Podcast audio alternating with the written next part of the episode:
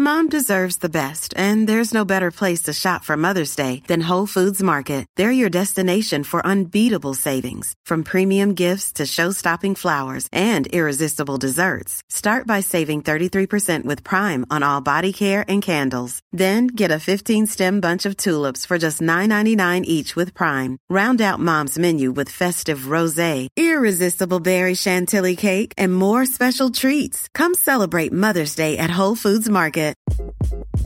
Hi, this is Craig Robinson from Ways to Win, and support for this podcast comes from Invesco QQQ, the official ETF of the NCAA. Invesco QQQ is proud to sponsor this episode and even prouder to provide access to innovation for the last 25 years. Basketball has had innovations over the years too. We're seeing the game played in new ways every day. Learn more at Invesco.com slash QQQ. Let's rethink possibility. Investco Distributors, Inc. Ready to pop the question? The jewelers at BlueNile.com have got sparkle down to a science with beautiful lab-grown diamonds worthy of your most brilliant moments. Their lab-grown diamonds are independently graded and guaranteed identical to natural diamonds, and they're ready to ship to your door. Go to BlueNile.com and use promo code LISTEN to get $50 off your purchase of $500 or more. That's code LISTEN at BlueNile.com for $50 off. BlueNile.com code LISTEN. Øystein, er du klar for pod? Kjempeglad for pod, og vi har fått så god tilbakemelding på gjestepodder de siste ukene, så eh, nå har vi en ny en på lager. Ja, det her blir spennende. Ja, det blir jo det, for det her ble jo til med det at eh, liksom, vi driver jo og prater om tilgrensende ting, og vi har røla om Tamia og, og, og liksom radiostyrt bil og Apache-sykler og sånn. Så fikk vi jo en hyggelig telefon fra en god venn og sa at jeg har et tema vi må ta opp i Scootspoden. Og derfor sitter vi her nå. Veldig bra. Ja. ja. ja vi må i gang. ja, herregud. Slutt med praten. Vi kjører pod. Du lytter nå til Scootspodden, en norsk podkast om klassisk bil med Jon Roar og Øystein.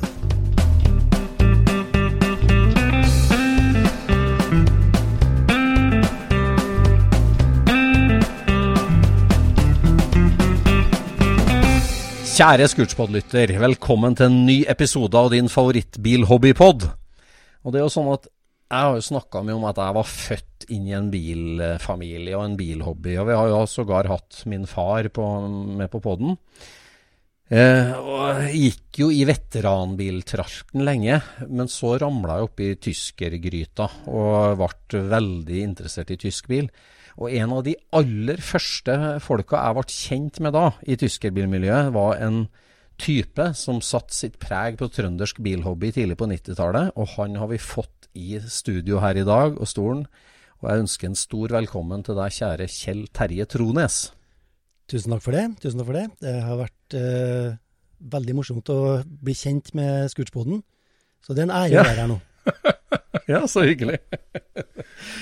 Trones-slekta, der har vi jo to-tre generasjoner som hyggelige lyttere. Så det, det, du representerer jo virkelig en, en sterk familie, Kjell Terje. Ja, så Vi er jo fire brødre, og tre av oss er relativt miljøskadd innenfor bilhobbyen. Og, ja. så, og, som de fleste familier, og som det kjenner vel du til, Øystein, så er det alltid et sort får som overhodet ikke er interessert i bil. ja, du, du, du, blir litt sånn på grunn av eller på tross av. Det er jo litt sånn, ja. På, ja. Men Kjell Terje, du eh, Altså, jeg, husker jo godt flammelakkert Mercedes eh, i Trondheims gater året rundt. Og, oh, yes. og som du sier, du, du, du er sterkt eh, liksom arvelig og søskenbelasta. Denne episoden skal jo hovedsakelig handle om plastmodell bilbygging. Den greina av bilhobbyen som handler om å Som du gjør hjemme på gutterommet og hjemme på arbeidsbenken. Ja. Eh, for meg så har det vært, eh, alltid vært en naturlig del av bilhobbyen min. Eh, det var der det starta. Eh, eller kanskje enda litt tidligere. Jeg har fått høre av min mor at når jeg lå i vogna og var liten baby, og hvis det kom kjørende i bil som bråka forbi, så spratt huet mitt opp. Sånn at eh, det starta tydeligvis ganske tidlig. Um, og, og selvfølgelig så hadde jeg også runden om eh, Lego. Um, Ja. og da var det Lego-biler selvfølgelig som var artigst å bygge. Uh, store kofferter nesten med Matchbox-biler. Ja. Eh, til jeg oppdaga at, eh, at hoi, her er noe vi kan, faktisk kan lage sjøl. Og, og sånn at jeg begynte Da jeg var åtte år, så tok jeg ukepengene mine, så var jeg på nærbutikken, som, og nærbutikker hadde jo alltid lekeavdeling før. Der fant, Ja, jeg, en, der fant jeg en Airfix-modell av en uh, båt. En, en andre verdenskrig-båt med masse kanoner på. Det var tøft. Oi. Så jeg tok med meg, jeg kjøpte den, tok jeg meg hjem, og så brukte jeg ca. en tube lim, hel tube lim for limen sammen. Så det så ikke ut i hele tatt. Men, men der starta det, og det slutta aldri. Nei.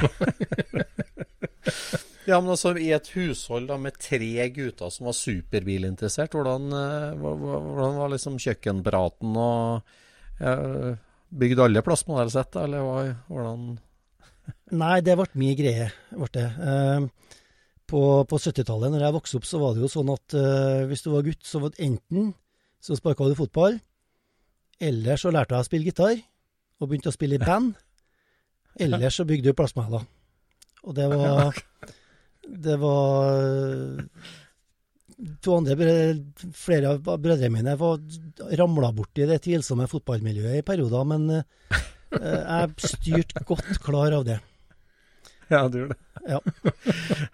Du holdt deg ved din lest, du. Bygde plastmodeller. Jeg gjorde det. Jeg har en aktiv fotballkarriere på 14-laga i Freidi når jeg var seks år. Det var, den, det var så lang tid jeg trengte for å finne ut at dette var slitsomt. Ja, for Senere så har det jo blitt mindre og mindre lim, for det har jeg skjønt fra plastmalhobbyen. At liksom du, du, du starter med en tube per sett, som du sier, men det er jo veldig lite når du begynner å bli ordentlig raffinert. ikke sant? Ja da, ja da. Det, det er snakk om uh, rett mengde på rett sted. Mm. Ja,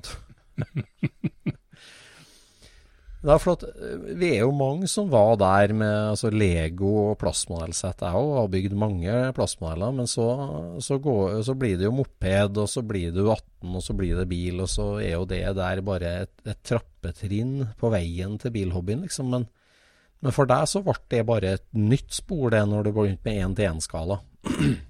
Det ble det. Og det er klart, jeg òg hadde, hadde en liten bølgedal i eh, modellhobbyen på den tida når man eh, begynte å kjenne at det begynte å krible rundt omkring i kroppen, og man oppdaga eh, så, så, så litt på jentene på en litt annen måte, og oppdaga moped og sånne ting. Og etter hvert fikk seg fikk ordna seg med en ordentlig bil og dra og kjøre rundt i, så, så da, da, da tok det litt uh, fokuset bort. Men det har bestandig vært der. Så eh, Ja. jeg har bestandig drevet og bygd modeller. Og utvikla uh, kompetansen og ferdighetene eh, eh, fortløpende. Ja, for, for det er jo veldig nysgjerrig på da? Hvordan, eh, hvordan liksom går det der i parallell? Altså i garasjen på kvelden og i, på plassmodellrommet på, i helga, skulle si. Altså, det, hvordan går det i parallell? Men vi, det, det kan vi for så vidt komme til, for du må fortelle oss litt om altså, hvordan Altså, Hva var det med plastpanelene som ga deg så veldig stor glede når du var ungdom, ung ungdom, kan du si? Og, og når kommer 1-til-1-skalaen inn i bildet for deg? Eh, det som var spennende med plastmodellene, det er, var at eh, når, du satt sammen, når du setter sammen en plasmahæl, så gjør du det omtrent på samme måte som du setter sammen ei stor bil. Du bytter bare ut sveiseapparat og skiftenøkkel med limtuben.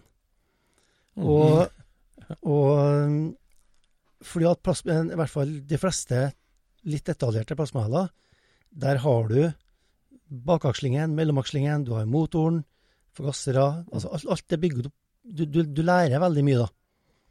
Mm. Og, og, um, og samtidig så er en del av teknikkene er de samme. Um, det skal lakkeres, for eksempel. Um, I starten så var det eh, kost og, og Humbrol-boks som var medie. Så det ble kostmaler. Eh, så oppdaga man at det sprayboks, eh, da blir det litt jevnere. I hvert, hvert fall hvis man passer på å ikke legge på for mye. Da Ja, kan ja. det fort, fort bli litt ujevnt. Eh, og etter hvert så, så gikk jeg til anskaffelse av en airbrush, og da eh, Ja, så, jeg, jeg bruk, nå bruker jeg de samme, eh, samme produktene når jeg lakkerer en, en modellbil, som en hvilken som helst proff billakkerer bruker når han lakkerer en vanlig bil. Mm. Mm. Ja, men altså mm, Hvor gammel var du når du begynte å customisere og bygge annet enn bruksanvisninger? For å si det sånn? Ja, det gikk fort. Det, det var Skal vi se, jeg tror jeg, jeg, tror jeg var tolv, rundt tolv, tror jeg, når jeg på en måte begynte litt seriøst å bygge, konsentrere meg bare om bil. Før det Ja. så var det fly og båter og alt mulig rart. Stridsvogner og alt sånt. Men Ja. uh, jeg husker, husker jeg fikk uh, Far min kjøpt en monogrammodell, en 57 mæl Chevrolet, til meg, og den lima jeg selvfølgelig sammen på en kveld. Mm. Men oh, ja, da, var jo mor, da var jo mora ferdig. Sånn Ja. at uh, dagen etterpå så plukka jeg en sund igjen. Og så Går det an? Ja, ja det, det går an. Det. Du, får- du får det sunt. Og, Ja, det det. Så, og så mm, var det å sette sammen igjen, og så, men da lime under noen klosser mellom bladfjæren og ramma for å få opp rumpa litt på biler. Det var jo tøft. Å ja. Og så, og, så, og så var det jo med flere alternativ til forgasseroppsett og sånne ting. Sånn at uh, Ja. først ble den bygd originalt, og så husker jeg at det var med noe sånn tunnelram eller noe sånne ting. Sånn hull i panseret og gassrør som stakk opp. Det var jo kjempetøft. Så, så eh, Nei, at det, det, det starta med en gang. Gjorde det. Ja. Og eh, jeg hadde allerede lest masse, sugd til meg masse fra bilblader og alskens greier, sånn at inspirasjonskildene var der jo. Um, ja. Så Ja, for det er jo det som er liksom altså, Du du er jo interessert i bil, på en måte. Det er ikke, det er ikke plastmodellene, egentlig. Altså, det starter med en sånn total bilinteresse, og så er det det der som er liksom det opp, oppnåelige, som tolvåring, selvsagt, på, på bilen, så nært du kommer. Liksom, eh, men du kjøpte bilsport, og du var helt på, på bil, selvsagt, eh, for fullt. Ja, bil, bilsport, da, det var litt mye sånn, sånn eh, litt, litt racing og sånne ting. Det var ikke jeg så gira på den gangen. Men uh, Amcar og Right-On og, Ja. og Wheels, for der i Wheels der var det en modellbyggerspalte. Claes Beck Friis. Nei, det var ikke en Beck Friis den gangen, det var en eh, Hans Kilén den gangen der, Jon Roar. Aha, så var det gamle der, ja. Ja. Og, og i tillegg så var det et engelsk bilblad som het Street Machine Magazine. Eh, Ja. På slutt, nå er vi på slutten av 80-tallet, og eh, midt, midten Nei, nå lyver jeg. Vi, vi var tidlig 80-tall, Street Machine Magazine. Fordi at eh, det er et engelsk blad, og det var kjempeartig, fordi at i engelske bilblader, der var det mye engelske uh, bygger. Uh, og engelskmennene, de, de bygger jo hotrod av absolutt alt. Om det så er ei gammel sånn melkbil, så putter de en roverrotter og en jaguarbakaksling under det. Så, så den kreativiteten som, som, som kom frem i det bladet, der, det inspirerte også meg modellbygginga mi. Og gjorde at, ja. at at det ble raskt innhandla en liten juvelersag. Og, og til, så det gikk an å begynne å senke tak. Eh, kappe skjermer Ja. Alt du kan Ja, gjøre på ei vanlig bil, det kan du gjøre på en plastmodell. Ja. ja. ja. Men prosjektene i Plasmael, går de eh, liksom veldig fort, dem da? Så bygger du en shoppa Mercury på ei helg, liksom, eller, eller er det Hvordan eh, Byggetid for en typisk custom plasmael? det, det er ikke så stor forskjell på bygging av en custom-modell og en, en eh, helt standardbil, egentlig. Nei. fordi at hvert fall, hvert fall eh, med det nivået som jeg syns jeg må være på oppi hodet mitt, så, så det går fort ja, 70-100 timer på en modell. Og, Mm. og mm, ja, når, at, når man blir litt sånn eh, detaljfokusert, at det blir litt sykdom ut av det, nesten. Eh, Men når du sier detaljfokusert, så er det å legge til detaljer som ikke er i settet, eller er det få til detaljene, eller hva er det? Både òg. Altså det Det finnes vel forskjellige leverandører av eller produsenter av plastmaler, og enkelte har fokus, veldig fokus på eh, at alt av detaljer skal være med. Andre er jeg syns at det er greit nok at det ser ut som at det er en motor oppi her. Uh, sånn at, at uh, Men er mye Altså, det finnes et enormt ettermarked også innenfor dette her, på samme måte som i fullskalabilhobbyen. Um, Du har folk som sitter hjemme det må snakke, det må vi snakke litt om, for at uh, altså, mange av lytterne jeg, jeg, har, jeg har et forhold til monogram og Revell og Airfix var det mest fly, kanskje. Men uh, og liksom de der bilmerkene og Jeg har hatt mange sånne esker, jeg òg. Men, men det du snakker om nå, det er liksom sånn custom-greier. Noen som lager et spesielt karosseri, noen lager kule hjul. Du, du kjøper inn fra ettermarkedsmarkedet. sånn, er, det, er det sånn? Ja, det stemmer. Uh, Ja. Uh, og du får, du får kjøpe omtrent alt mulig rart. Du får kjøpe fordelere som er ferdig rigga med, fordeler, med tennpåledninger.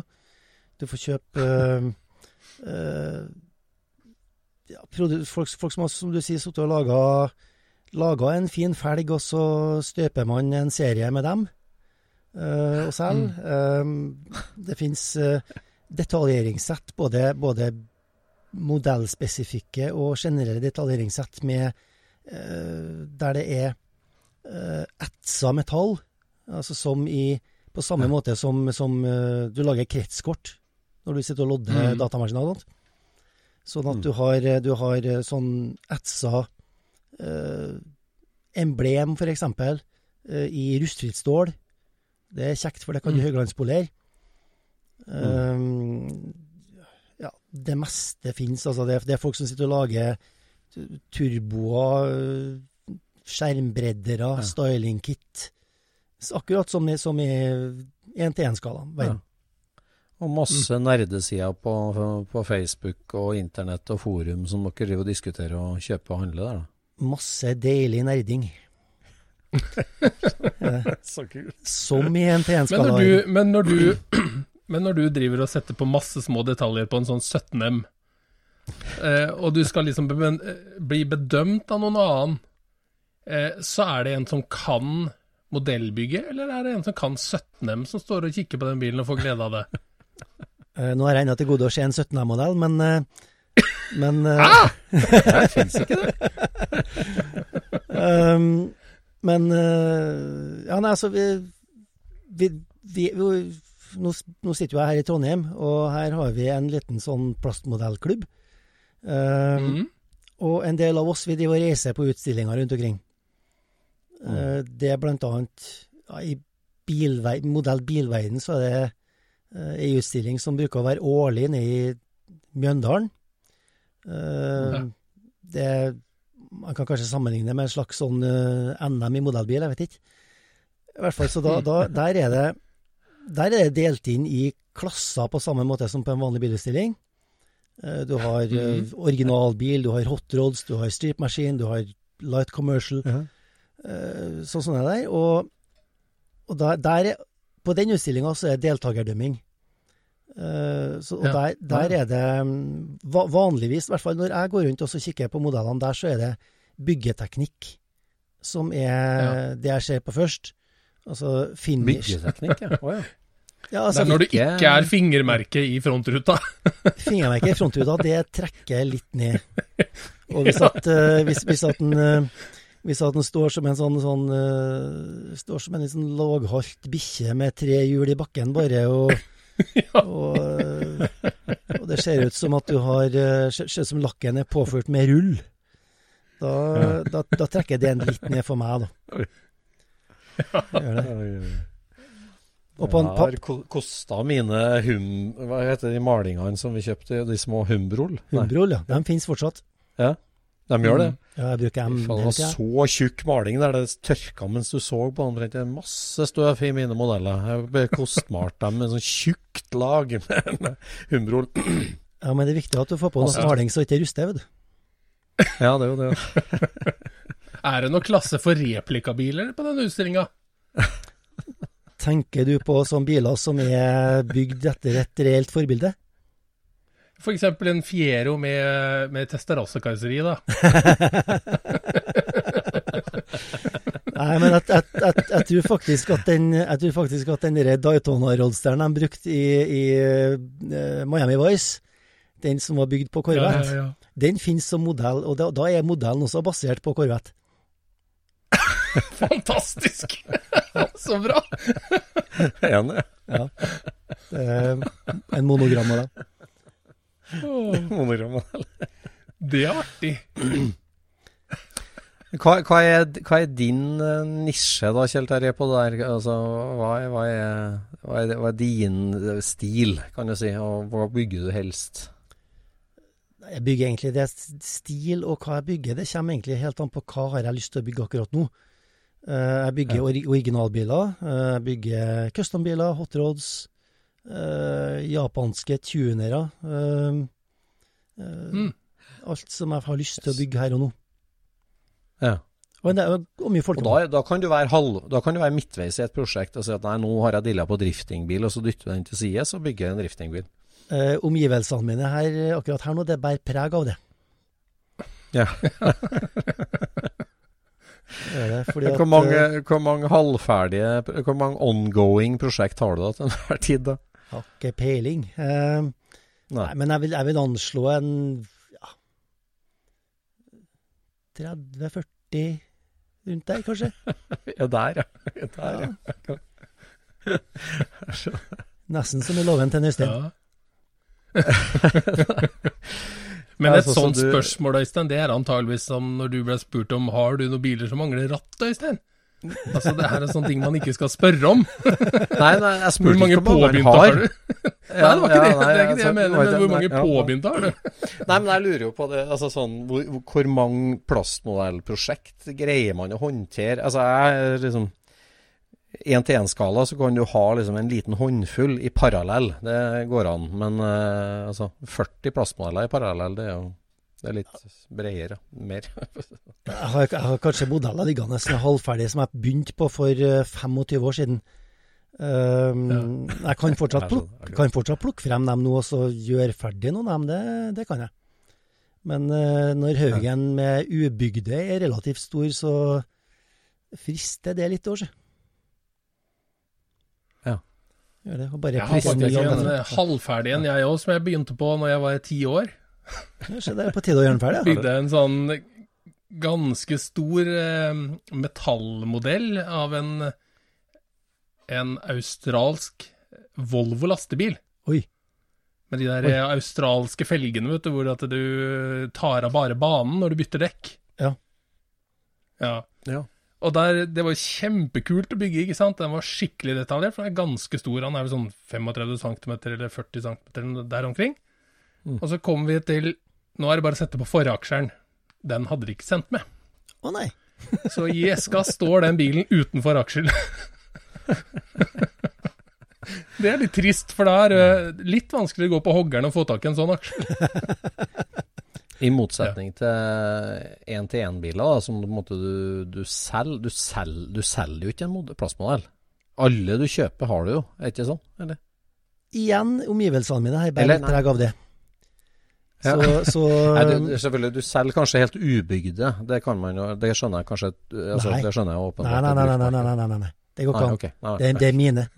Det er mine. ok. Ja. Det, det, det, er helt enveis, det, altså? Ja. ja. stort sett er det. Det bærer litt preg av det. Det er vel en Ubygdhaugen er på nærmere 800 enn 750, tror jeg. Så, sånn at uh, Tuller du? Nei. Det, det, det, er, det, er, noen, det er sant? Jeg har brukt noen år på å handle inn, da. Det har jeg gjort. Men, oh, men det er folk som øh, det, det er folk som driver og bygger og selger. Eh, ofte mye lastebiler. Eh, folk som bygger oh, ja. for transportfirmaer, så bygger de bilene deres, kan du si. Altså, Ja. ja. Og, Så, men jeg, jeg Nei, når jeg har bygd ferdig en, så går den på hylla. Det er min. Ja, har du et gedigent vitrineskap, da? Eller? Med alt Jeg har- sammen? Nei, det har ikke jeg. Jeg har det spredd litt. Noe er pakka ned i pappesker, og så har jeg en tre sånne eh, Ikea sine Detolf-skap er fin. Det er glasskapene deres. Ja. Og, og um, så har jeg en gammel bit av en gammel seksjon som er noen glasskap, og som eh, står litt stabla inni sånn. Så. så Jeg har alle mine plastmaler fortsatt. Eh, det var ikke så mange. Kanskje jeg bygde ti stykker i oppveksten. Jeg ble kanskje Og ikke spesielt overraska nå. med, tanke, med, med tanke på hvor mye har- du har snakka om ting du har som du har hatt når du var liten. Ja, ja. Jeg har snakka mye om det? Nei, jeg, jeg husker Jeg har jo snakka om det at jeg fikk jo 28 mil A-Ford til dåpen, eh, bruker jeg å si da. Og når jeg begynte med plastmaler, så var jo det å finne, bi, finne den i plastmal var liksom et start. For da hadde jeg liksom den, og da var jeg kanskje 10-12 år. Og da er det, det er kanskje et Revell-kit, eller? Gul plastikk, 27 mæl T-Ford Turing. Du kjenner sikkert Eh, til settet. Det er ikke utenkelig at den ligger i haugen min her. Nei. Nei, det var en sånn 70-talls hot rod, eh, det kittet, med breifelger og jeg tror kanskje det var V8-motor i nå. Stemmer. Den var bas Eh, ble basert, basert på, en, på et forbilde som ble bygd av en han Lill John Butera, hvis ikke jeg husker helt feil. Ja, det kan jeg. Mhm. I hvert fall så kjøpte jeg jo den, og det var jo en, liksom, en hotrod ut av eska. Men jeg bygde den jo som min veteranbil. Eh, liksom med, eh, min, det, altså den var brun, da. jeg lakkerte den brun. Og jeg fant noen andre hjul, smale felger, for det var jo liksom breie 15-tommere eller sånn på den. Så jeg, jeg prøvde å konvertere den, men det var veldig mislykka. Det ble aldri seende ut som noe annet enn en dritkjedelig hotrod, på en måte. For jeg liksom gjorde den så veteran som mulig. Og sikkert en tubelim.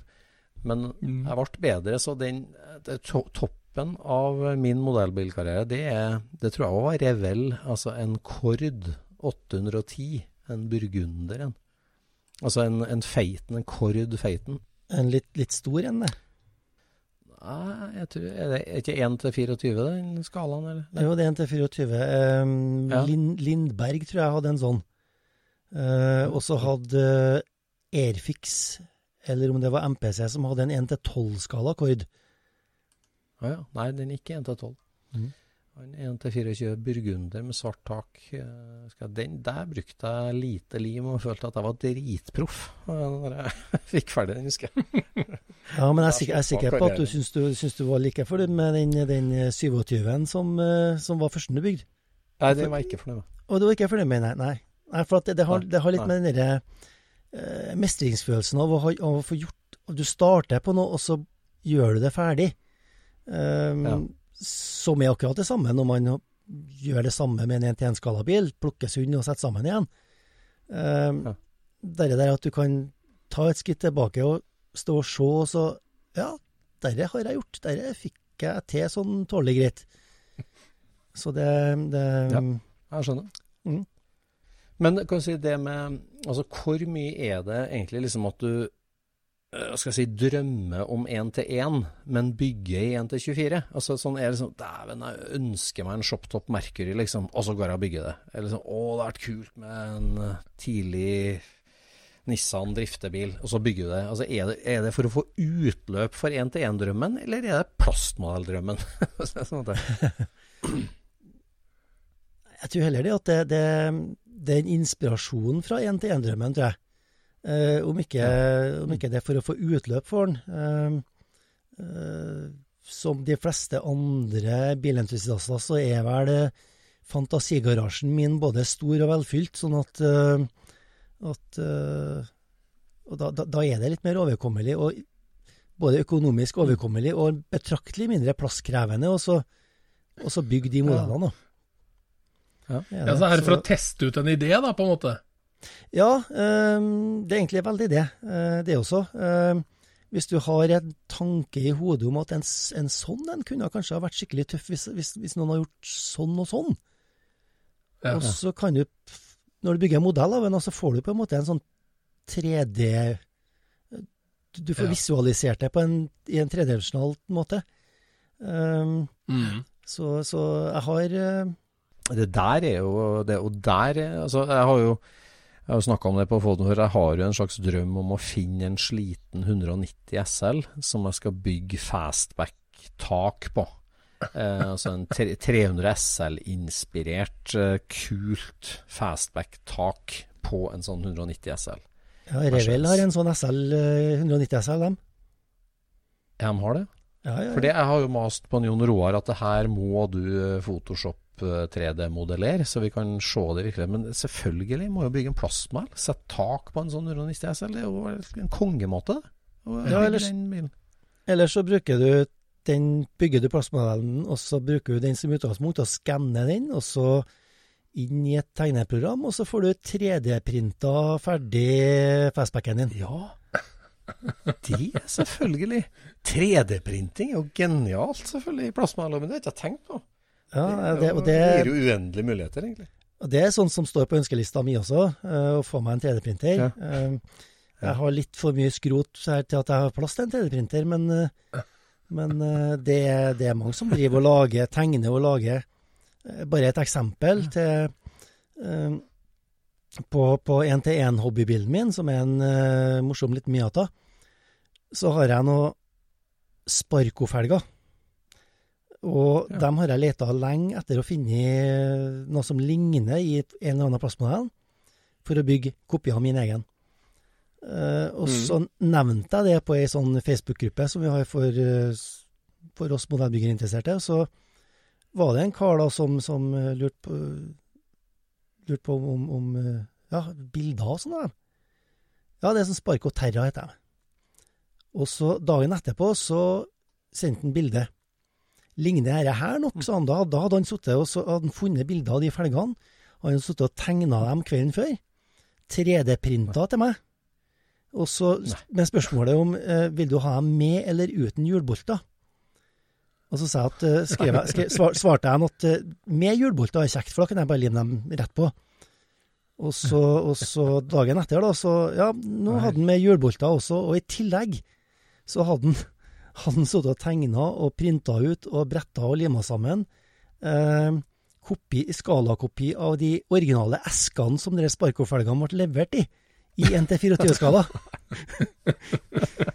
så um, så dem, eh, dem, dem får jeg snart. Herregud, så kult. Så, så du, må bare, du, må, du må bare kjøpe deg modellbil hvis det er noe begynne å bygge. Ja, det må jeg Er det, er det noen som bygger hjuloppheng og sånt, eller? Hm? Altså, er, er, det er det noen som bygger funksjonelt hjuloppheng og sånt på biler, eller er de statiske?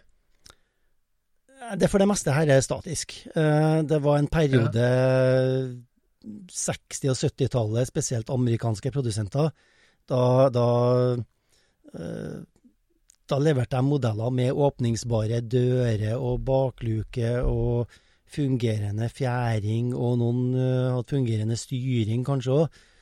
Men det er klart at Ja. sånne mekaniske overføringer i skalariktige mekaniske overføringer i plastikk, det blir ikke så Ja. Nei. Nei. Så, så det, for det meste så er det statisk, ja. Mm. Ja. Men i forhold til det som du sier, da, at du har, du har, du har inspirasjon fra én til én, du legger til egen fantasi, du går på hobbyrommet og skaper et eller annet sett sammen. Det står der som et tredimensjonalt ferdig produkt, du kan gå unna og se på det og føle på det. Beskriv for oss i sånn si topp tre eller tre eksempel på ting du har bygd som, du, som gir deg en god tilfredsstillelse sjøl, som du er glad i og stolt av. Prøv å beskrive én, to, tre av dem. Um, skal vi se, her er 69 mile Camaro Cab. Den er Mm. butternut yellow, som er en sånn eh, Mm. bleik gulfarve som var på dem på den tida.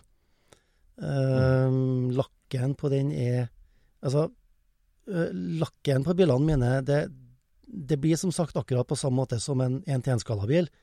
Um, eh, sånn som du kanskje ser det på litt bilprogram på TV og sånne ting, der de, eh, der de når de er ferdige å lakke, så sli, mattsliper de lakken og polerer opp glansen på den igjen. Det, det gjør jeg òg. Mm. Og, og den? Camaroen Ja, ja. ja, ja. Det, det lakk, eh, Finishen på bilene det, skal se, det skal se ut som glass.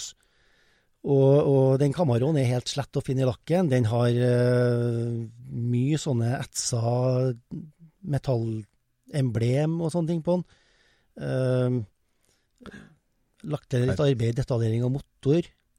Uh, det, det, er mot, motordeta- Motordetaljering er ingen spøk. Altså, vi, vi snakker at uh, tenningsrekkefølgen på pluggledningene skal være riktig både på fordeler og på motorblokka.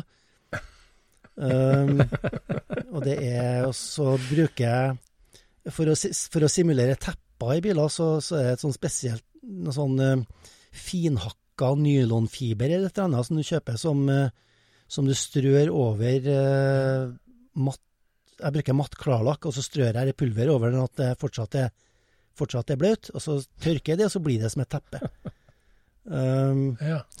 uh, og det, det Og jeg er veldig glad i 69 Camaro, sånn at uh, den, uh, den syns jeg er ålreit. ja. Her. Og så har jeg bygd en, har jeg bygd en nest, nesten lik kopi av Miataen min. da. Ja, det har du. Så jeg har forandra en del på Miataen etter at jeg bygde modellen, så jeg må bygge en ny modell snart. oh, ja. For å henge med. Ekte. Uh, ja, altså originalbiler, der som du sier, det blir jo samme som i 1-til-1-skala. At det er detaljene og det er gjennomføringa av det, og at alt er riktig og så- sånn. Men tenk på, på custom, da, i custom-verden. Hva slags vil, eller mm, hva slags custom er du mest, hvis du skal ta fram en eller to av dem du har bygd som er virkelig bygd om? Um, eh, jeg har en, en 34 Ford pickup som er Mhm. bygd, som er bygd, som er bygd kranbil av.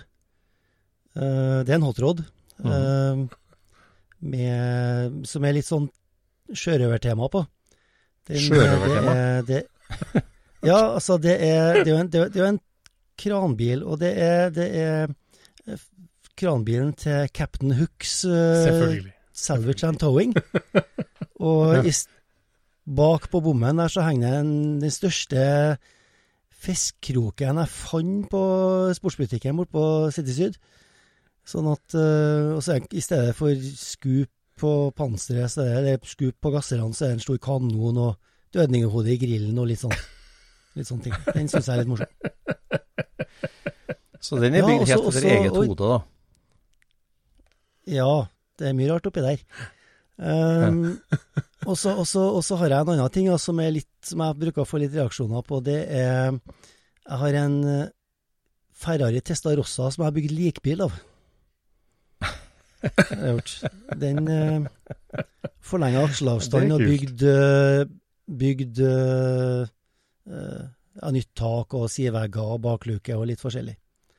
Og så, og så Da holdes det i hvert fall like varmt ei stund. Ja, ja, det er det. Det, det, det er bårebilen til begravelsesbyrået, er til Lynet begravelsesbyrå med mottoet 'Når arven haster'.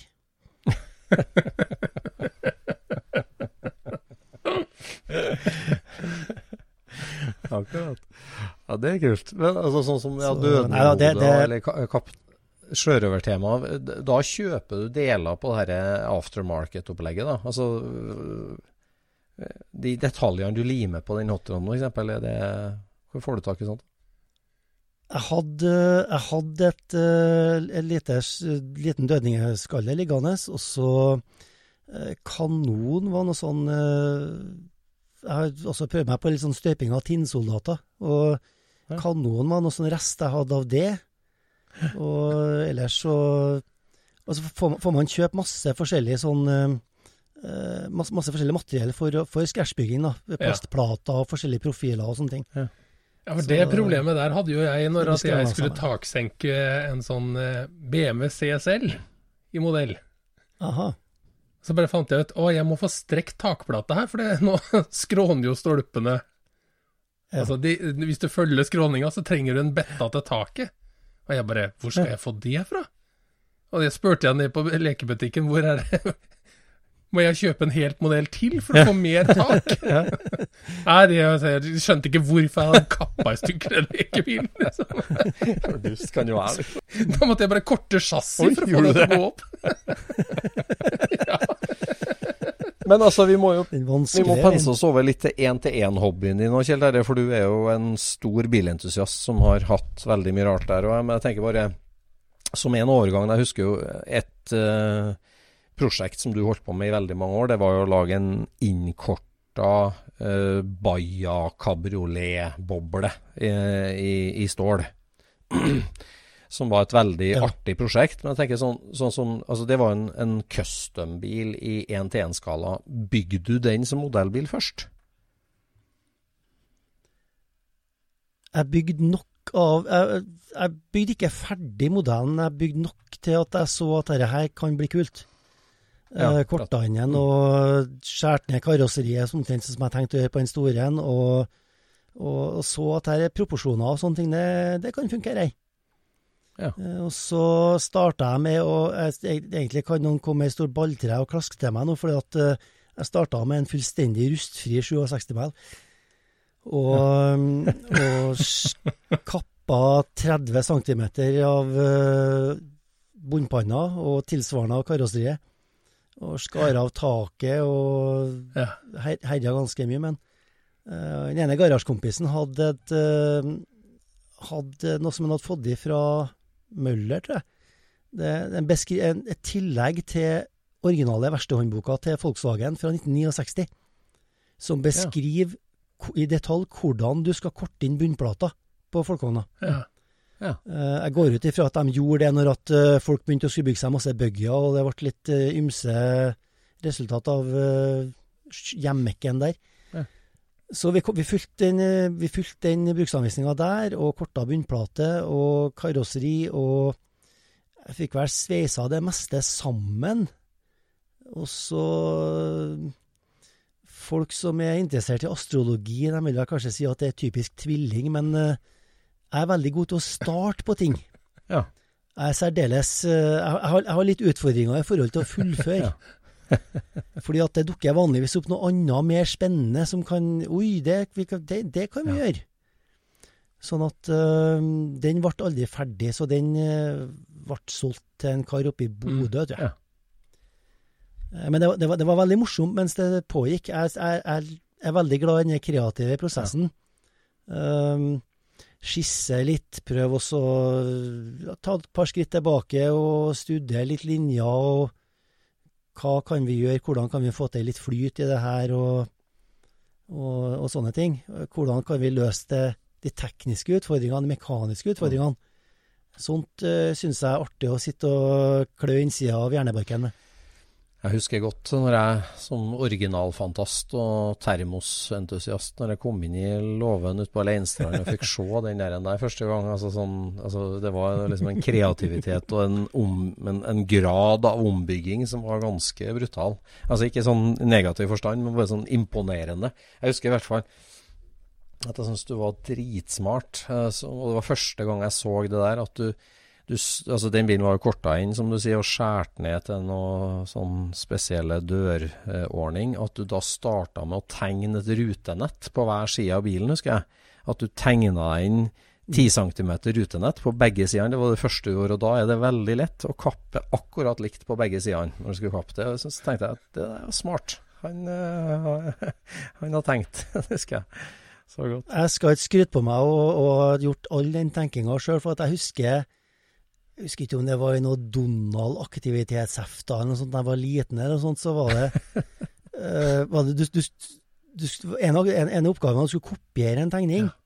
Ja. Og, så, og så hadde du en original, og da var det lagt et sånt rutenett over den tegningen, og så var det et tomt rutenett ved siden av. Ja. Og da brukte du de, de rutene for på en måte å få detaljene Ja, i ja, tegningen på riktig plass. Ja. Så, så Sånn det du? tenkte det, det, Ja, jeg kom tydeligvis på akkurat det der den gangen, og så tenkte at dette var sikkert lurt å gjøre. Genial. Ja, men det, det, det er jo kjempesmart. Altså, jeg har sett Det er jo platekunstnere som, som gjør sånn eh, nå òg. Så, så, så det, er jo en, det er jo en metode. Men du lærte i Donald, rett og slett. Helt Ikke kimse av. Donald, det er mye god Ja, lærdom Donald. ja, det er det. Vi elsker Donald og Lego her. Det er ingen tvil om. Mm. Utrolig kult. Apropos tidlige tider her, da, så fant jeg nå ut Øystein, at vi to har en, enda en ting til felles. Har vi? Og det er at vi eh, begge møtte Kjell Terje Trones som den første representanten for bilmiljøet i Trondheim. Ja, ja stemmer. Du møtte jo han på tur, du. Når jeg, når jeg var i, i på, på premiereturen min med, med min nybygde 1303, så kjørte jo jeg til eh, McDonald's på Trondheim torg. Jeg og en kompis. Og så når vi, når vi dro derfra og kjørte i denne her eh, Olav Tryggvasons gate, så møtte vi en hvit fastback med Shelby-striper. Ja, Sånn som jeg husker det. sjueren. Sjueren. og da bare hang loose ut av ruta. Så skjønte jeg bare Dæven, nå møtte vi en hobbybil og ei folkevogn i Trondheim! De fins her òg! Wow! Overalt. Gjennomsyra verden. Ja, Ja. Nei, jeg- jeg var- det, det ble litt av greie for meg den gangen. Jeg, var, jeg, jeg tror jeg hadde sett bilder av det i noe blad eller noe tegninger. Jeg syntes at ah, det, det er så kult, det var litt kult. Det var sånn måte å hilse på hverandre og på en måte signalisere litt fellesskap og sånne ting. Så, så jeg, holdt på, jeg husker jeg holdt på med det en stund. ja. Gjorde inntrykk på en østlending der. ja, det gjorde det. Det husker jeg, husker jeg godt. Men dra oss kjapt gjennom liksom, diskografien din på, på bil, da, eller bil-CV-en din, Kjell Terje. Altså, hvor starta vi hen når du fylte 18? Eller før? Uh, starta vel når jeg var 17. Da, tok, da kjøpte min fader en uh, nyere familiebil. Da kjøpte han Opel Ascona. Da tok jeg over familiens 72 mile Opel Rekord 1700. Ja. Eh, Og lærte meg å sveise. Som en dyd av nødvendighet. Uh, og så kjøpte jeg meg en nydelig 70-modell Rekord Coupé. Ja. Monsa-blå med svart eh, sånn sprøyta vindeltak. Ja. Den var nyoppussa når jeg kjøpte den. Ja. Den hadde ikke jeg lenge, for det, det, det var ikke min bil. Det var liksom ikke, det var ikke jeg som hadde laga den. Nei. Det ble feil i hodet mitt. Nei. Og så fikk jeg en 71 Volkswagen 1302 av broren til ene bestemora mi. Han var, hadde passert 80 år, var stokk døv, og for han hadde egentlig blitt fortalt at det, det er ikke noe lurt at du kjører noe mer. Nei. Så da tok jeg over den, og det første jeg måtte gjøre da, var, å bytte kløtsj og bytte eksospotte. For, han- han- for han hørte jo ingenting. Nei. Sånn at når han skulle, ta, når han skulle starte å kjøre, han, så var det full gass, og så slapp han, slura han bare på kløtsjen. Og eksospotta var fullstendig opprusta, men det hørte jo ikke han. Ja. Sånn at øh, Og det, det ble første bobla mi. Det ble veien min inn i Volkswagen-verden.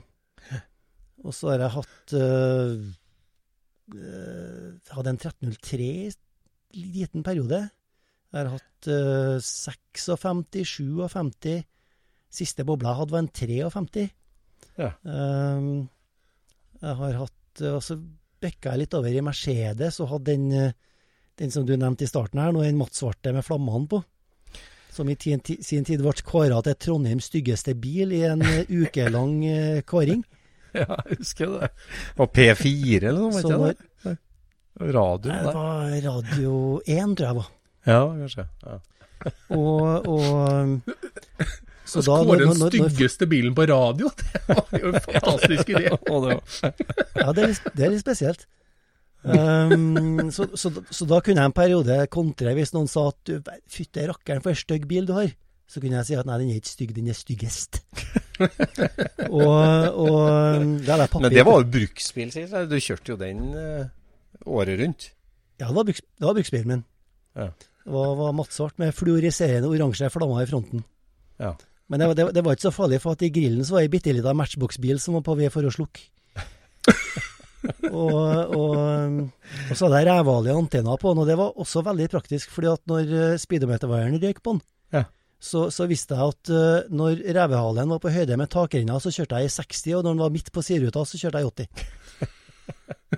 og så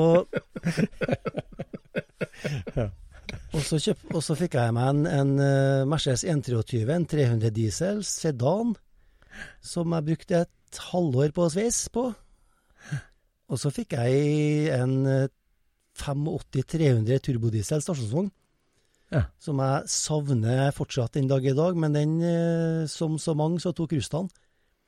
Mm. Og så Og så var det en periode at det var litt morsomt med motorsykkel òg. Bygge byg motorsykkel. Mm. Sånn at uh, jeg har Jeg begynte å bygge en kafferacer av en 76 CB, Honda CB 750F.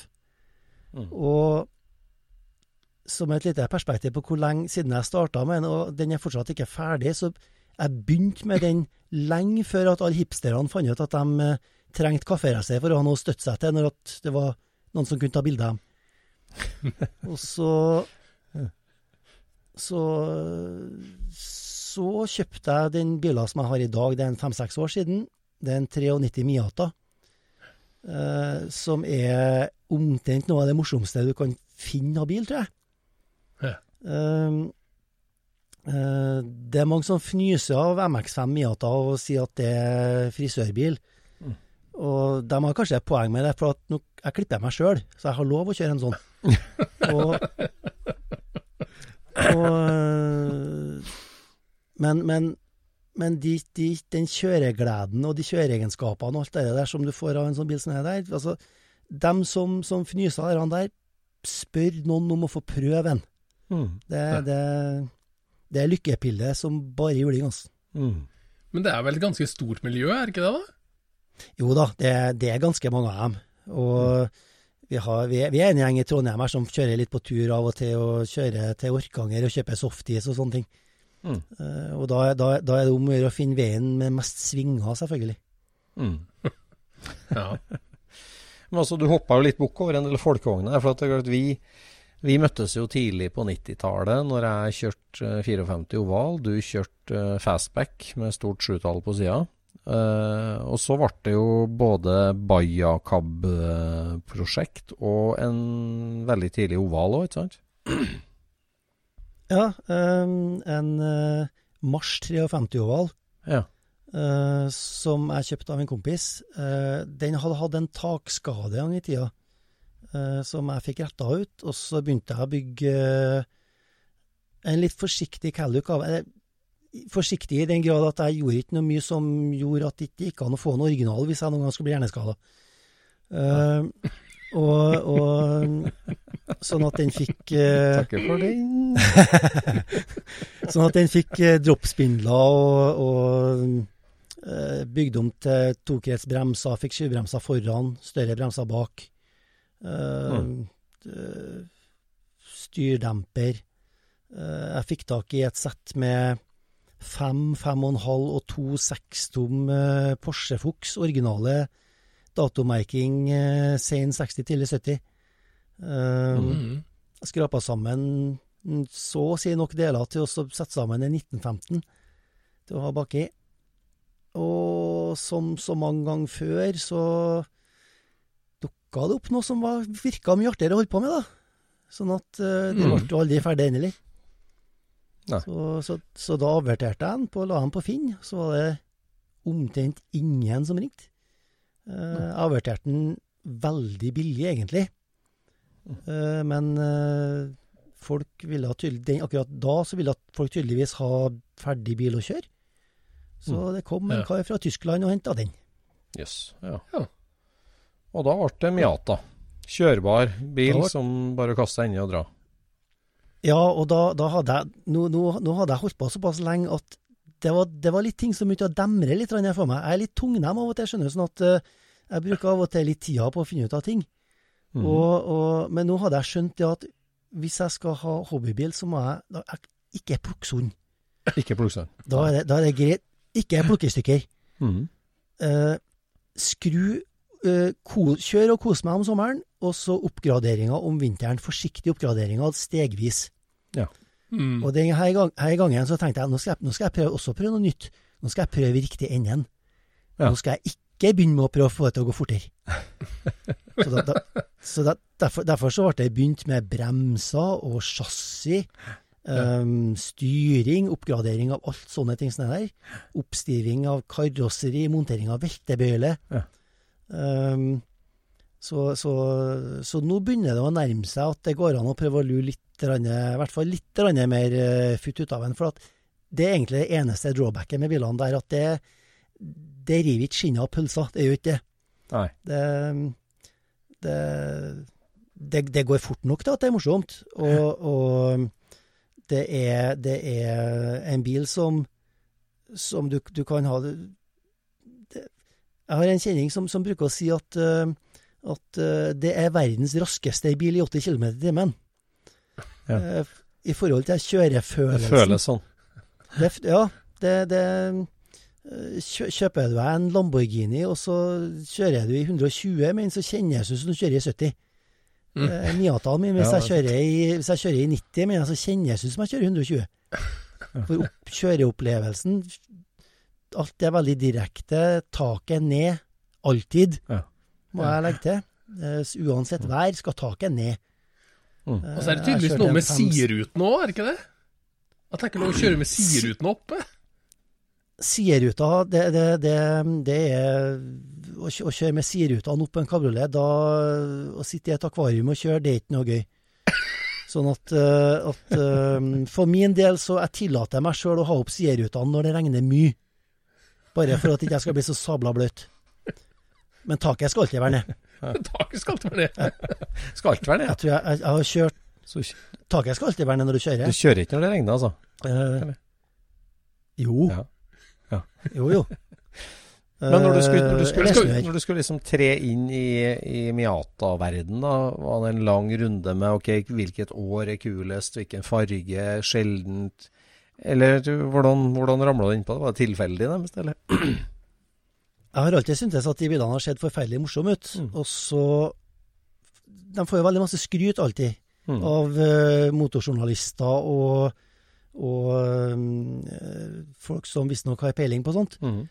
Sånn at jeg har, hatt lyst på en sånn en veldig lenge. Mhm. Og, og så har jeg en sånn teori om at uh, de fleste biler, spesielt sånne litt sånn nisjebiler, Mm.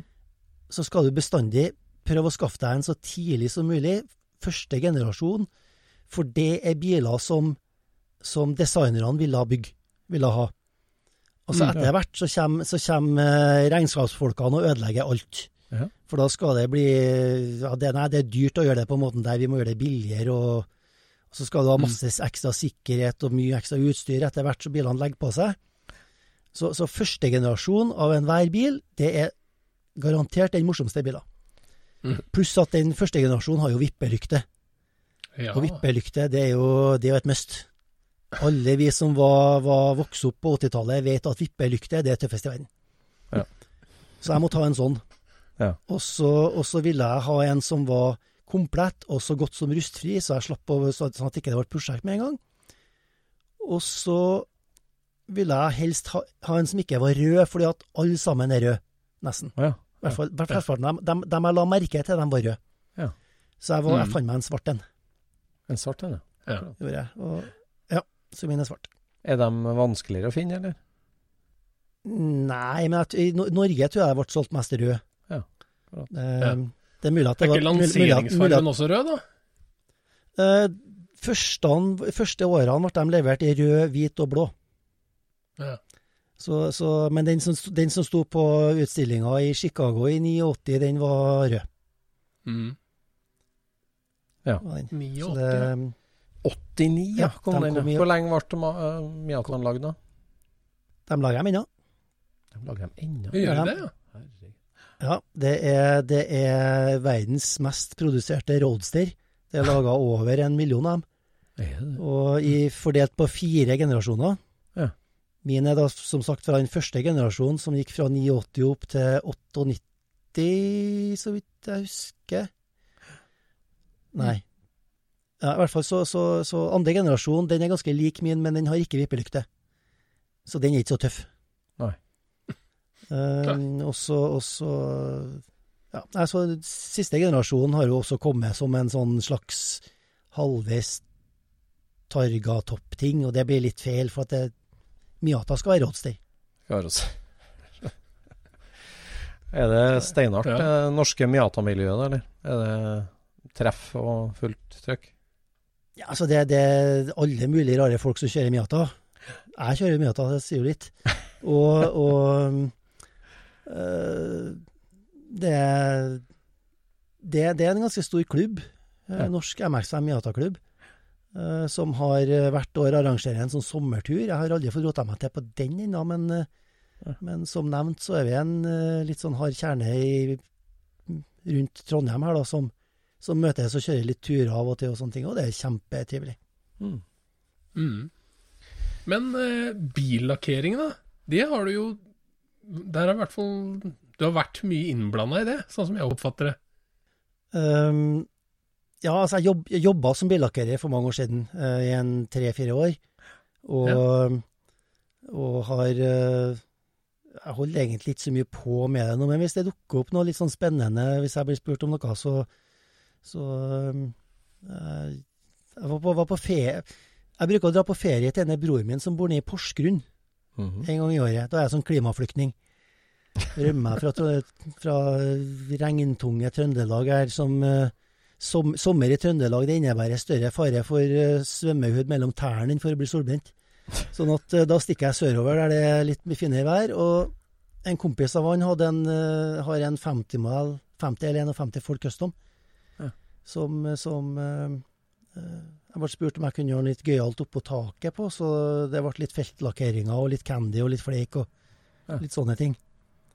Og, Ja. og can, candy og flake har jeg prøvd litt på før, på, på The Alien Bug Ja. Ja. til, til vår felles venn. Ja. Eh, En, en eh, folkevogn som er bygd som en sånn tidlig 70-talls-gasser. Den, eh, den ble det lagt så mye fleik i at jeg husker, jeg husker jeg godt når jeg for hjem og la meg den kvelden, så gnistra det grønt foran øynene mine da jeg lukka øynene og skulle legge meg og sove. Sånn at uh, Det er mye jobb, men det er veldig artig. Det er, litt, Ja, det er så, så, så, som er litt kult. Uvanlig. Jeg var ute og kjørte uh, Kjell Terje-lakkert bil i går, jeg, faktisk. For da var jeg ute og kjørte uh, i min frues uh, marihøneboble. En rød 61-modell som du lakkerte for 30 år siden. Stemmer den rubinrøde, det. Ja.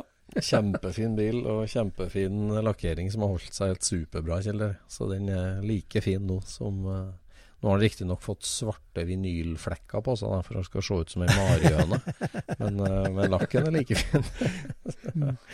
Ja, jeg, jeg, ble jo faktisk kjent med din far før jeg ble kjent med deg, fordi at Ja, eh, jeg lakkerte to bobler for den den gangen jeg jobba som lakker. Ja, Den rubinrøde og en turkisk, hvis jeg ikke husker helt feil. ja da. Jeg hadde, jeg hadde lagra deg på telefonen i 15 år, jeg, som lakkereren. Vi kalte deg bare lakkereren hos oss. Å, ja. Og så ble det slabbedask, og så ble det Kjell Terje. ja, det slabbedask, det var Det var en liten periode. Jeg, jeg traff, faktisk på en kar eh, sørpå eh, i sommer, som, Mm. eh, som også var aktiv på VV2U-forumet. Mm. Og da, da Etter hvert så pensa vi samtalen inn, og så fikk jeg den 'Og var det du som var slabbedask?' sånn at, eh, at eh, Men det, det, det er et sånt, det er et sånt nikk som, som jeg begynte å bruke når at eh, Jeg har med meg fra videregående, faktisk, fordi at eh, Jeg husker vi hadde en norsklærerinne på videregående, og jeg og et par kompiser til, vi satt jo stort sett bakerst i klasserommet og leste bilblader. Ja. Og hun var rimelig oppgitt over det, sånn at vi fikk bare fikk høre at uh, hvis at dere ikke skjerper dere nå, så kommer dere til å ende opp som slabbedasker og døgenikter hele gjengen. Så jeg måtte jo gi henne rett på det, da. Jo, Så der kom den fra. Ja, Men i dag nå har Kjell Terje med 800 plastmodeller eh, hjem i huset ditt, og en herlig Miata du cruiser rundt med, en halvferdig kaféracer. Hva er det som står på ønskelista nå, liksom? I 1 til 1 eller 1 til 24, eller hva det skal være? Ett eller to eller tre, fire hjul? Er det noe du ser på eller fordyper deg i for tida? Eh, fordype meg, det gjør jeg vel kanskje ikke, men eh, jeg har lyst til å eh, Og det passer litt godt i forhold til, til det som en Stetty snakka om i en tidligere scootspod her. Har, det har vært veldig morsomt å prøve å bygge seg en bil. Ja. Det hadde det vært. Eh, og, og i England, så finnes, spesielt i England, finnes det mye sånne kitcars som du bruker Mazda MX5 som donor. Ja. Mhm. Så det, det kunne ha vært litt gøy, fordi at MX5-en den er litt spesiell i form av at forstilling og bakstilling de henger sammen. Oh. Nei, nei, unnskyld. Motor og motor girkasse og bakaksling, de henger sammen Ja. eh, med en sånn Ja. diger sånn aluminiumsbjelke. Ja. Mhm. Sånn at du kan faktisk eh, du kan faktisk løfte av hele karosseriet på Miataen og fortsatt ha et slags rullende chassis. Og, og mm, jeg har, jeg har kikka litt på et sånt eh, kit, eh, en sånn Aston Martin DB1, DBR1 eller DB1R, eller hva de heter. Mm. En sånn tidlig sånn sportsvogn, og helt åpen sportsvognsak. Da, da, da, da er verken kalesje eller sideruta, så det er optimale roadsteren. Ja. Ja. Men eh, men jeg, det er ikke så enkelt når du sitter oppe i fjerde etasjen i høyblokk, eller i et sånn, eh, sånn rekkehus, og så er det to mil til garasjen. Og så har, har du to parkeringsplasser tilknyttet leiligheten din. pluss, at, plus, plus, pluss, pluss at det blir et, eh, i hvert fall eh, sam, Sammenligna med Aventadoren til en eh, Tyholt, så er det jo ikke det helt store økonomiske løftet, da, men eh, likevel utfordrende nok i forhold til det kommunale lønnsregulativet, så som er litt prisgitt. Sånn at, eh, at eh, eh, Men, men. Hvem vet? Det kan hende. Sånn er det. Men covid-19 er, straks over, har vi fått hørt på pressekonferanse i dag. Og, og det er tid for at alle biltreff starter opp igjen. Og det gjør vel òg da Mjøndalen og det uoffisielle NM. Hva er det du har med i kofferten til årets show? Uh, siste par årene nå så har jeg dykka litt inn i noen nostalgigryta. Og når jeg, som jeg nevnte, så når jeg starta med modellbilene, så var det da var det monogrambiler jeg bygde. Mm. Uh, sånn at uh, de siste par årene så har jeg drev- drevet og prøvd å skaffe meg igjen en del av de bilene jeg bygde den gangen. Mm. Og prøvd å bygge dem på nytt, men med det jeg har tilegna meg av kunnskap og av teknikker og, og erfaring. Eh, sånn at jeg har eh, Jeg har bygd en del av de gamle der som jeg skal ha med nedover. Og så sitter jeg akkurat nå og pusler med en eh, 70 Dodge Challenger kabriolet, som, eh, som jeg har tenkt å ha nedover. Mm. Uh, som, er en, som er en relativt detaljert sak. Uh, mm. uh, en helt original en. Og, og eh, ja, ellers er det en broget forsamling med et par eh, 70 amerikanske 70-talls eh, pickuper og hotrodder og en dragster og uh, ah, ja. ja, litt forskjellig. Å ja, du stiller med liksom mer enn en håndfull, altså? På hver det, det Eh, Ja, altså det Jeg ser gjennomsnittlig, så de siste årene så har jeg bygd en tre-fire biler. Ja.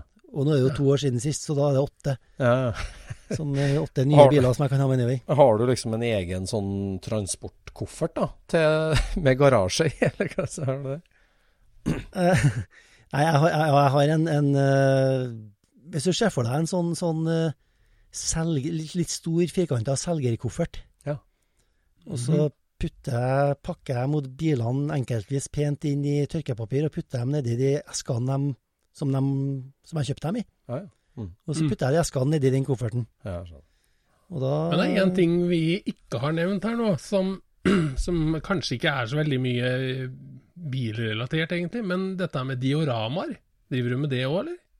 Jeg har så vidt prøvd meg på noen enkle greier. Det er en egen dioramaklasse også på den bilutstillinga som, som vi skal på. Ja. Um, eh, en annen ting som må kanskje nevne også, at det, det finnes en sånn eh, norsk eh, sånn eh, forening generelt for modellbygging, som heter IPMS Norge, som står for International Plastic Modeler Society. Mm. eh, Som er da en internasjonal greie som starta i England i jeg tror det var i 63 de begynte. Eller der omkring. Og så også norske avdelinger var veldig tidlig ut. Eh, De bruker også å ha uh, utstillinger. Eh, i, det òg har vært utsatt en par ganger i løpet av de siste årene, nå av naturlige årsaker. Men eh, det blir en utstilling på vårparten eh, på flysamlinga på Gardermoen. Mm. Og der er det også en stor dioramaklasse, og der er det diorama i verdensklasse. Vi har et par stykker som sitter nede på Østlandet og bygger diorama, og det Den ene har vært presentert på Norge Rundt. Og, og mm. Per Olav Lund han uh, søker opp dioramaene hans på, på nett og ser det, det er helt utrolig detaljer Mm. og hvor naturtro og sånne ting det, det blir. Så uh, jeg har vel egentlig funnet ut at, deres, at skomakeren bør holde seg opp med lesten sin, sånn at øh, jeg holder meg mest til det jeg har, syns jeg har litt peiling på. Mm. Ja. Nei, vi gleder oss til en prøvetur i Miatan. Og så må jeg jammen meg tenke videre på det 190 SL-prosjektet i, i små, eh, småskala. Det tror jeg. Ja, fordi at uh, i forhold til sånn 3D-printing, 3D så sånn hjemmeprintere det, det, Vanligvis nå så er det litt sånn sjaber oppløsning på dem, sånn at det blir litt, uh, det blir litt grovt. Men det finnes også Ja. noe, sånne, noe som heter resinprintere. Og de uh, Der er det nesten som, uh, som om det er støpt, altså. Så du Vi har gromme en, sånne eh, på, på jobb, vi, på, på gasolin, så det skal ikke være noe problem, Øystein. Oi, vi er jo allerede i gang med et prosjekt der. Jeg trenger et prosjekt der. mm. Mhm. Jeg regner med at du med, blir med til Mjøndalen neste år, ja, Øystein? Ja, Med kanskje det. 190 SL-prosjekt? Ja, ja. Nei, vi er ved veis ende i Scootspodens store plastmodellepisode. Og vi takker deg, Kjell Terje, både for eh, bidraget til, til bilhobbyen i Trondheim, der du var en, eller er, en sentral eh, brikke som har påvirka meg, og at du løfta plastmodellene som sidehobby, eller, eller parallellhobby, til én-til-én-skala. Vi elsker sånne nerdehobbyer i Scootspoden. Det gjør vi. Nerding er fint. Da sier vi takk for i kveld. Ut og kjøp deg et plastmodellsett. Gjør det. Vi snakkes. Takk og takk, Kjell Terje. Takk for nå. Ha det bra. Scootchpoden produseres av SSC Media, med god hjelp av VV Norge og Trond Dahl for hosting, Knut Micaelsen for musikk. Abonner på Scootchpod via podcaster eller Acast, og følg Scootchpod på Instagram og se det vi snakker om. Der kan du også komme med kommentarer og innspill, og fortelle oss hva du vil høre om.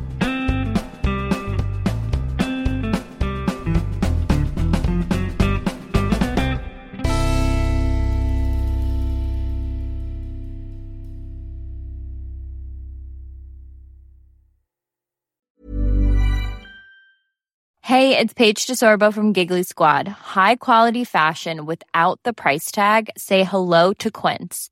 I'm snagging high-end essentials like cozy cashmere sweaters, sleek leather jackets, fine jewelry, and so much more. With Quince being 50 to 80% less than similar brands.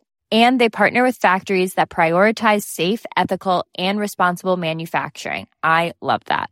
Luxury quality within reach. Go to quince.com slash style to get free shipping and 365 day returns on your next order. Quince.com slash style.